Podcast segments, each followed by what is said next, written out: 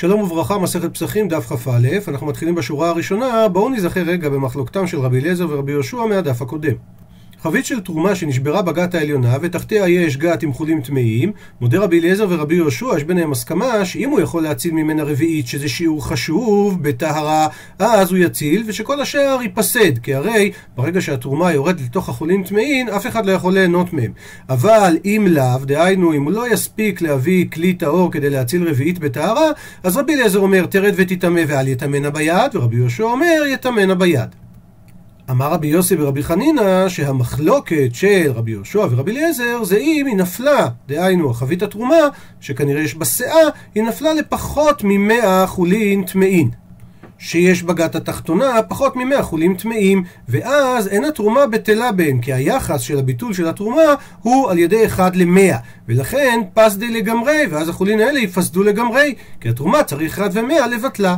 אבל אם נפלה למאה חולין, טמאין, אז דברי הכל תרד ותטמא, ואל יטמנה ביד. אומר רש"י, אם היו בתחתונה, בגת התחתונה, מאה חולין, דהיינו מאה חביות כמו זו של התרומה, דברי הכל, דהיינו גם רבי אליעזר וגם רבי יהושע, שאסור לטמא את התרומה ביד, למה? כי הואיל ולא פס די חולין, כי הרי התרומה עולה בהם באחד ומאה, היא בעצם מתבטלת, ולכן חזו הם ראויים בגת התחתונה, החולים האלה, גם בימי הטומאה כדמעיקרא לזר, כמו קודם, שזר יכול היה לאכול חולין טמאין. אומרת הגמרא, תניא נמיח, יש לנו ברייתא שתומכת בדברי רבי יוסי ברבי חנינא, חבית שנשברה בגת העליונה ותחתיה מאה חולין טמאים, מודה רבי אליעזר לרבי יהושע, שאם יכול להציל ממנה רביעית בטהרה יציל, ואם לאו תרד ותטמא, ואל יטמנה ביד. אז אנחנו רואים שהדבר תלוי האם כן או לא להציל את התרומה, בשיעור של האם יש תחתיה מאה חולין טמאים. בשלב הזה הגמרא מבינה שהמודה רבי אליעזר לרבי יהושע זה מתייחס לגבי האם לאו, דהיינו אם אין שיעור של מאה חולין טמאין, שהרי בזה הם נחלקו. ועל זה שואלת הגמרא, היי, מודה רבי אליעזר לרבי יהושע? זה לא רבי אליעזר שמודה לרבי יהושע, צריך להיות כתוב מודה רבי יהושע לרבי אליעזר, מבעילי צריך להיות כתוב. שהרי רבי יהושע הוא זה שאמר קודם שיטמנה ביד וככה לא יפסיד את החולין, אז הוא מודה לרבי אליעזר, כי רבי אליעזר הוא אמר לא יטמנה ביד, ולכן ככה היה צריך להיות כתוב. מודה רבי יהושע לרבי אליעזר, שאם אין שיעור של מאה חולין תרד ותטמא ואל יטמנה ביד. עונה על כך הגמרא שתי תשובות. תשובה ראשונה אמר רבא היפוך, אתה באמת צודק, ותהפוך את הגרסה למודה רבי יהושע לרבי אליעזר. תשובה שנייה, רב הונא ברי דרבי יהושע אמר, לעולם לא טיפוך, אל תהפוך את הגרסה, הגרסה היא נכונה. והכה במאי עסקינן, בכלי שתוכו טהור וגבו טמא. תוכו הכוונה הצד הפנימי שלו הוא טהור, גבו הצד החיצוני שלו הוא טמא, וזה הכלי שאיתו הוא רוצה להציל את התרומה הטהורה. אז מהו דתימה, מהו שתאמר נגזור דילמה נגע בו תרומה, אל תציל בכלי כזה, כי אולי אתה ככה תטמא בידיים את התרומה אם התרומה תיגע בצד החיצוני של הכלי, כמה שמלן, בא להשמיע לנו רבי אליעזר שהוא מתיר בכלי כזה להציל. בואו נראה את הדברים ברש"י, בכלי שתוכו טהור וגבו טמא. אז היי מודה, מה שאמרנו מודה, זה לאו הסייפה קאי, זה לא כמו שחשבנו קודם, שזה מדבר על המקרה שהוא לא יכול להציל, אלא הרישא, שכתוב בחלק הראשון, שאם יכול להציל רביעית בטהרה יציל, ועל המקרה הזה, אז מותר לעשות את זה אפילו אם הכלי הזה יש לו שתוכו טהור וגבו טמא. אז מה זה מודה רבי אליעזר? כי רבי אליעזר הוא זה שאמר אסור לטמא את זה ביד. הוא מודה שמותר להציל בכלי כזה, ואנחנו לא חוששים, אולי הוא ייגע בגב של הכלי עם התרומה, ואז הוא יטמא אותה בידיים. עכשיו, הכלי הזה זה כלי שנטמע במשכין, שכל הטומאה שלו דה רבנן, לכן רבי אליעזר מקל בו. אז אנחנו מדברים שבגת העליונה, חבית התרומה נשפכה, היא יורדת ויש לנו עכשיו את הבעיה שהוא צריך להציל ממנה בנקודה הזאת את נקודת המעבר שהיא לא תיפול לתוך החולין הטמאין. אז הוא לוקח כלי ושם את זה בדיוק בנקודה שזה נשפך. הכלי הזה הוא טהור בפנים, אבל הוא טמא בחוץ. ובזה מודה רבי אליעזר שכן מותר להציל רביעית בטהרה.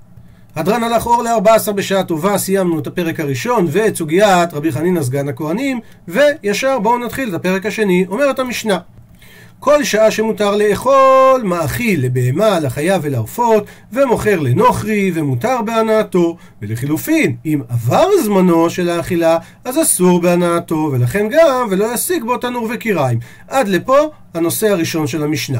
הנושא השני, רבי יהודה אומר, אין ביאור חמץ אלא בשרפה, וחכמים אומרים, אף מברר וזורע לרוח או מטיל לים.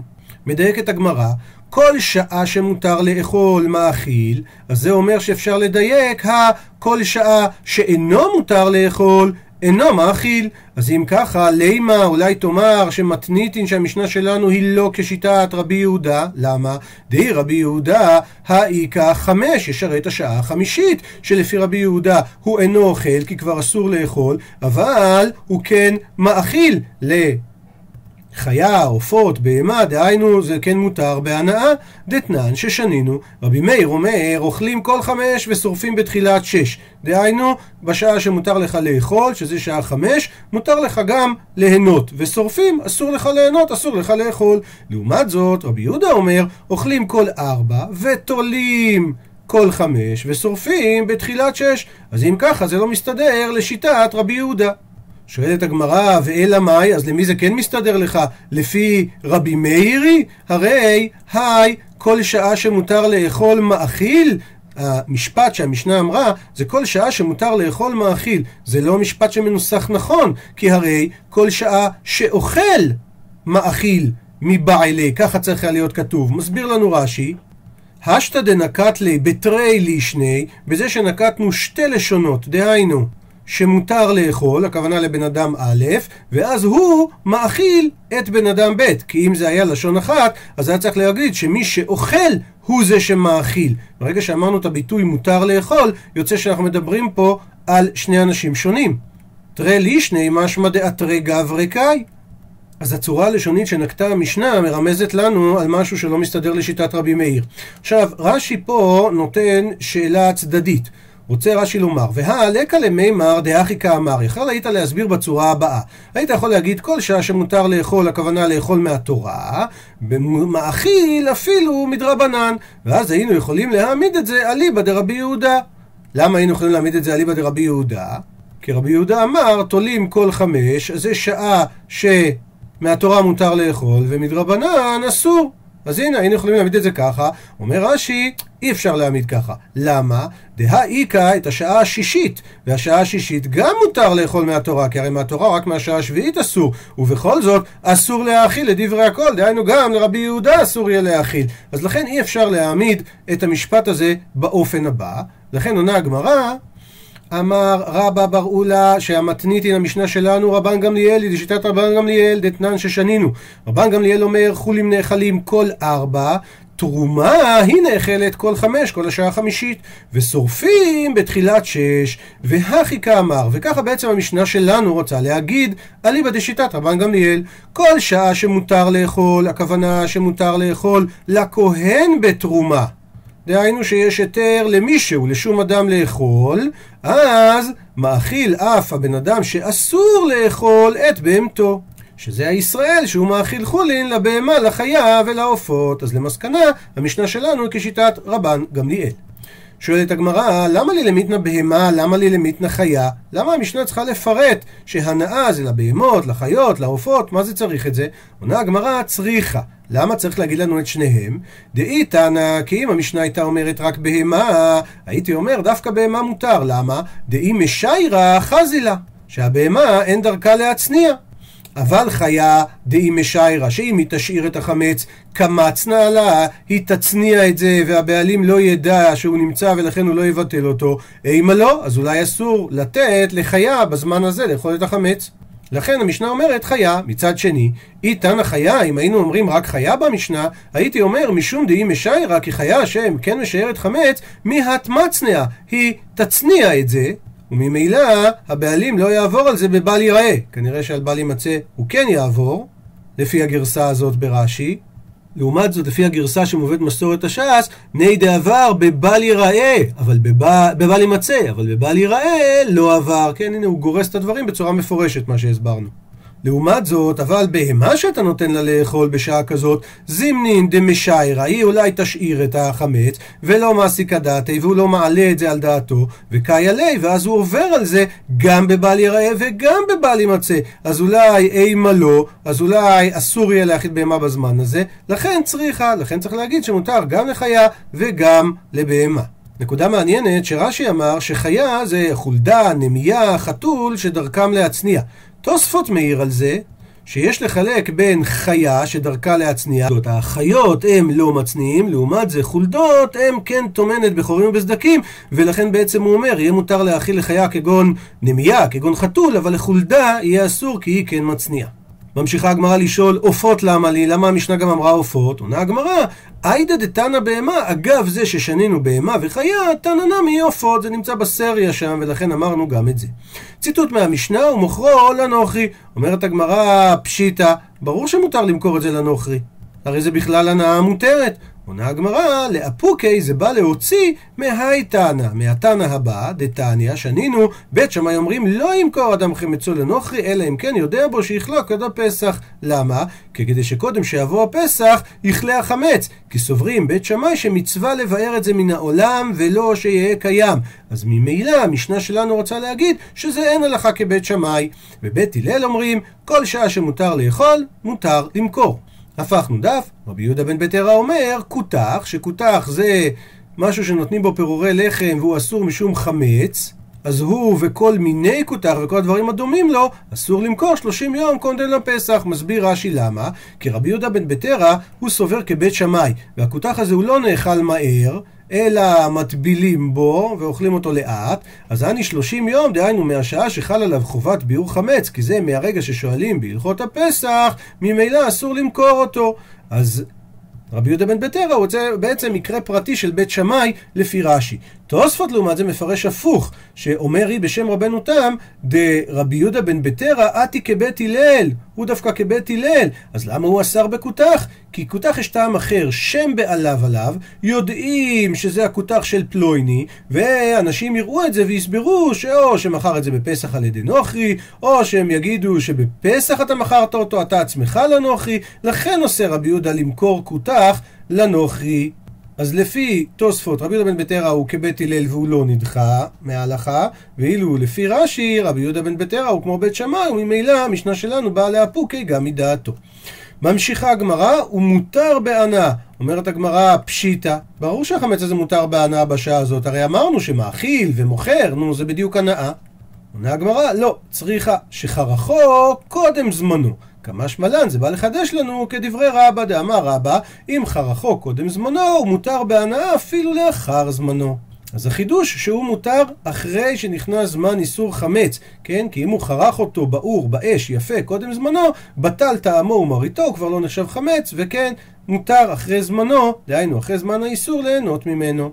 ממשיכה הגמרא, ציטוט של עבר זמנו אסור בהנאתו, אומרת הגמרא, פשיטא, ברור, עונה הגמרא, לא, צריכה, לשעות דרבנן. דאמר רב גידל אמר רב חייא בר יוסף אמר רבי יוחנן, המקדש משש שעות ולמעלה, אפילו בחידי קורדינאיתא, אין חוששים לקידושין. הכוונה, שמה שאמרנו עבר זמנו, הכוונה עבר זמן אכילתו. אפילו שעה שישית, שכל האיסור זה שעות דה רבנן, כי הרי זה רק איסור מדרבנן, כי כמו שאמרנו, מהתורה זה משעה שביעית אסור לאכול, בכל זאת האיסור שלו אף בהנאה, והחידוש הוא שאפילו קידושים שהם דאורייתא, ואם בן אדם כך חיטה קורדינאיתא, שהם, כמו שרש"י הסביר בדף ז, חיטים קשות הם, שגדלות באזור הר ערערת, שכבר ראינו שהוא מזוהה כהר הכי גבוה בצפון מזרח טורקיה, מהווה את הגבול בינם לבין ארמניה.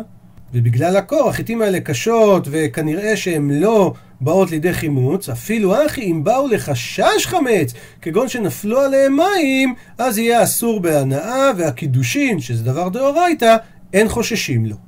ממשיכה הגמרא ציטוט מהמשנה שלא יסיק בו תנור וקיריים. אומרת הגמרא, פשיטא, אמרת שאסור בענה, אז למה שיהיה מותר להסיק? עונה הגמרא, לא, צריכה, צריך להגיד את זה דווקא לרבי יהודה, דאמר, אין ביאור חמץ אלא שרפה. אז היית חושב, סל כדתא חמינא, שהואיל ואמר רבי יהודה שמצוותו בשרפה, אז אם ככה, בהדי דקסריף לי, בזמן שהוא שורף ומקיים את הביאור, אולי יהיה ליטהני מינל, אולי יהיה מותר לו ליהנות ממנו. כמו שאחר כך מותר הרי ליהנות לפי רבי יהודה מהאפר של החמץ הזה. כמה השמלן אומרת לנו המשמעה שאסור בזמן השריפה ליהנות מהחמץ הזה. עכשיו עוברת הגמרא לנושא עקרוני. אמר חזקיה, מניין לחמץ בפסח שאסור בהנאה? תשובת חזקיה, שנאמר, כתוב בפסוק, בואו נקרא אותו בפנים, ויאמר משה אל העם, זכור את היום הזה אשר יצאתם ממצרים מבית עבדים, כי בחוזק יד הוציא אדוני אתכם מזה, ולא יאכל חמץ. לא כתוב ולא תאכל חמץ, כן? אלא נאמר לא יאכל חמץ. דהיינו, לא יהא בו היתר אכילה. מסביר רש"י, לא יהא בו היתר המביא לידי שום אכילה. וסתם הנאות זה לידי אכילה הם באות, כי הרי הוא לוקח בדמים דבר מאכל. אז מזה שנקטנו את הלשון המיוחדת הזאת במקום לא תאכל חמץ, אמרנו בצורה סבילה שהחמץ לא יאכל, זה מה שחזקיה אומר המקור לעניין שחמץ בפסח אסור בהנאה. ודייק את הגמרא לפי חזקיה, טעמה דכתב רחמנה לא יאכל חמץ, זה הסיבה שהוא אסור בהנאה. הלא כתב, אם הוא לא היה כותב לא יאכל בצורה הסבילה, הווה אמינא, אז הייתי אומר, היה לו לוקט לשון של למשל לא תאכל חמץ, אז הייתי אומר שיש איסור אכילה משמע בזה, אבל איסור הנאה לא משמע. אז אם ככה, זה פליגה, זה חולק על רבי אבאו, שמה שיטת רבי אבאו? דאמר רבי אבאו, כל מקום שנאמר לא יאכל, לא תאכל, לא תאכלו, דהיינו כל מקום שנאמר לנו איסור איסור אכילה בכל לשון שהיא, אז יש באיסור הזה אחד איסור אכילה ואחד איסור הנאה במשמע, אלא אם כן, עד שיפרט לך הכתוב כדרך שפירט לך בנבלה. דהיינו, אם מפרט לך הכתוב היתר הנאה כמו שהוא פירט לך בנבלה, כי הרי בנבלה היה כתוב בה לא תאכלו, ואז הבאנו פסוק אחר להתיר אותה בהנאה, ואמרנו או מכור לנוכרי, עוד רגע נראה. זאת אומרת שאם לא היינו מפרטים בפסוק שהיא מותרת בהנאה, היא הייתה אסורה בהנאה, בעצם זה שכתוב את האיסור אכילה. וממילא זה חולק על מה שאמר חזקיה. עכשיו אומרת הגמרא דתניא, ברייתא שתומכת בדעתו של רבי אבאו, בואו נקרא את הפסוק בפנים, כתוב לא תאכלו כל נבלה, לגר אשר בשעריך תתננה ואכלה, או מכור לנוכרי, כי הקדוש אתה לאדוני אלוהיך לא תבשל גדי בחלב עמו. אז אומרת הברייתא, בלשון הפסוקים משמע שאין לי אלא לגר שמותר לך לתת לו את זה, ולנוכרי שמותר לך למכור. אבל מאיפה אתה יודע שגם הפוך, שלגר אתה יכול לתת במכירה מניין? תלמוד לומר, מזה שאני יכול לקרוא את הפסוקים, לגר אשר בשעריך תתננה או מכור, נקודה. מזה שאני יכול לקרוא את זה ברצף כזה, זה אומר שהאו מכור מתייחס גם לגר, מותר גם למכור לו את הנבלה. והפוך, מאיפה אני יודע שלנוכרי מותר לי לתת לו את זה הכוונה בחינם? מניין? תלמוד לומר, מזה שגם פה אני יכול לקרוא את הפסוק ברצף, תתננה והאכלה או מחור, וכל זה לנוכרי. אז למסקנה, נמצאת אומר, אחד גר ואחד נוכרי, מותר בין במכירה, בין בנתינה. עד לפה דברי רבי מאיר. לעומת זאת, רבי יהודה אומר, דברים ככתבם, דהיינו, לגר מותר רק בנתינה, ולנוכרי מותר רק במכירה. הגר שאנחנו מדברים פה זה גר תושב, ועלה, כן, הוא קיבל שלא לעבוד עבודה זרה, עבודת כוכבים ומזלות, ומותר לו לאכול נבלות. אה, נפתח סוגריים רגע, זו שיטת רבי מאיר, שהיא השיטה הכי מקהילה בגר תושב. אבל השיטה היותר מקובלת זה שגר תושב צריך לקבל שבע מצוות בני נוח, ואז ממילא מותר לאכול נבלות. אה, יש התייחסות בפוסקים לדברים מעניינים לימינו. אה, הרב קוק למשל רצה להגיד שאולי המוסלמים הם בהגדרה של גר תושב בארץ ישראל. הרב מלמד כתב מתישהו שהדרוזים הם בוודאות גר תושב, הם נאמנים. אבל ודאי שהשורה הזאת ברש"י מתייחסת רק לשיטת רבי מאיר, שהיא השיטה הכי מקילה, שלא מקיים שבע מצוות בני נוח, אלא רק הוא לא עובד עבודה זרה. סגור סוגריים, שואלת הגמרא, מה איתה דרבי יהודה? למה רבי יהודה אומר דברים ככתבן? עונה הגמרא בשם רבי יהודה. איסל כדעתך כדאמר רבי מאיר. אם אתה רוצה לדרוש כמו רבי מאיר, שאפשר לקרוא את הפסוק גם לצד של הגר וגם לצד של הגוי, אז אם ככה, לכתוב רחמנה, שתכתוב התורה, לגר אשר בשעריך תתננה והאכלה ומכור לנוכרי, ואז אפשר לקרוא את זה ברצף. אבל המילה או למה לי? למה המילה או באה ומחלקת את אמצע הפסוק? לכן אומר רבי יהודה, שמע מינה לדברים ככתבן, כמו שאני הסברתי. ורבי מאיר, מה הוא יעשה עם המילה או? הוא יגיד לך שהמילה או, היא באה לתת סדר עדיפויות, להקדים את הנתינה דגר למכירה דנוכרי. מסביר רש"י שאם יש גר לתת לו ולא למכור, אז הנתינה קודמת על פני שתעשה כסף ותמכור את זה לנוכרי. ולמה רבי יהודה בעצם לא דורש ככה? עונה הגמרא, ורבי יהודה, הא, דהיינו את הלימוד הזה להקדים נתינת דגר למכירת נוכרי, לא צריך קרא, לא צריך בשביל זה פסוק. למה? כיוון דגר אתה מצווה להחיותו, ונוכרי אי אין אתה מצווה להחיותו, הכוונה היא שכתוב בתורה גר ותושב וחי עמך, דהיינו שאם יש לך גר תושב, שוב לפי הגדרה גוי שמקיים שבע מצוות בני נוח, או אחת מהשיטות האחרות, והוא עני, אתה מצווה לתמוך בו. לעומת זה, סתם נוכרי, אתה לא מצווה לתמוך בו כלכלית. לכן אומר רבי יהודה, לא צריך קרא. למה? כי סברה הוא. דהיינו, מסברה אנו יודעים שנתינתה לגר קודמת, כי הרי חיות הגר מצווה. לעומת זאת, מכירה לנוכרי, איזה מצווה יש בדבר הזה? וממילא, אומר רבי יהודה, שהמילה או זה שהפסוק נצרך להגיד לך לאסור ליתן במתנה לנוכרי ולאסור למכור נבלה לגר. עד לפה ראינו בעצם את המחלוקת של רבי מאיר ורבי יהודה לגבי איסור הנאה בנבלה. עכשיו שואלת הגמרא, בישלמה לרבי מאיר, דהיינו, בישלמה לרבי אבאו אליבא דרבי מאיר. דאמר אחד גר ואחד נוחי, בין במכירה בין בנתינה, מדי יצטרך קרא למישרא נבלה בהנאה, תדייק שהכל איסורים שבתורה הם אסורים בין באכילה בין בהנאה. רבי אבאו שאמר שהמקור לאיסורי הנאה זה נבלה, הוא מסתדר מעולה עם השיטה של רבי מאיר. למה? כי רבי מאיר אמר שהתורה הייתה צריכה להתיר נבלה. זאת אומרת שכל שאר האיסורים שבתורה שכתוב בהם לא תאכל, כמו שכתוב פה, אם לא פירטנו בהם היתר, אז ממילא הם יהיו אסורים גם באכילה וגם בהנאה. אלא לרבי יהודה, דהיינו, איך רבי אבאו יסביר את רבי יהודה, שהרי רבי יהודה אמר לדברים ככתבם ודעתה, הפסוק בא כדי להגיד לך, להחמיר ולומר, דלנוכרי זה מותר במכירה ולגר בנתינה, ואם הפסוק לא היה כותב את זה, הייתי אומר שכל ההנאות מותרות בה. אז לפי זה, הכל איסורים שבתורה מנהלן דאסורים בהנאה, אז איך רבי אבאו ילמד, לפי שיטת רבי יהודה, ש... איסורי הכלה אסורים אף בהנאה. עונה הגמרא, נפקא ליה, ילמד את זה רבי אבאו אליבא דרבי יהודה מהפסוק מלכלב תשליכון אותו. שכתוב בטרפה לא תאכלו, ומעת בעל הכלב תשליכון אותו. שיש פה בעצם מיעוט, רק אותו אתה משליך לכלב, רק את בשר הטרפה מותר לך להשליך לכלב, ואי אתה משליך, אבל כל שאר האיסורים אתה לא משליך לכלב את כל שאר האיסורים שבתורה, כי ממילא מה שכתוב לא לאכול אותם, זה כולל בתוכו גם איסורי הנאה. עד לפה דף כ"א.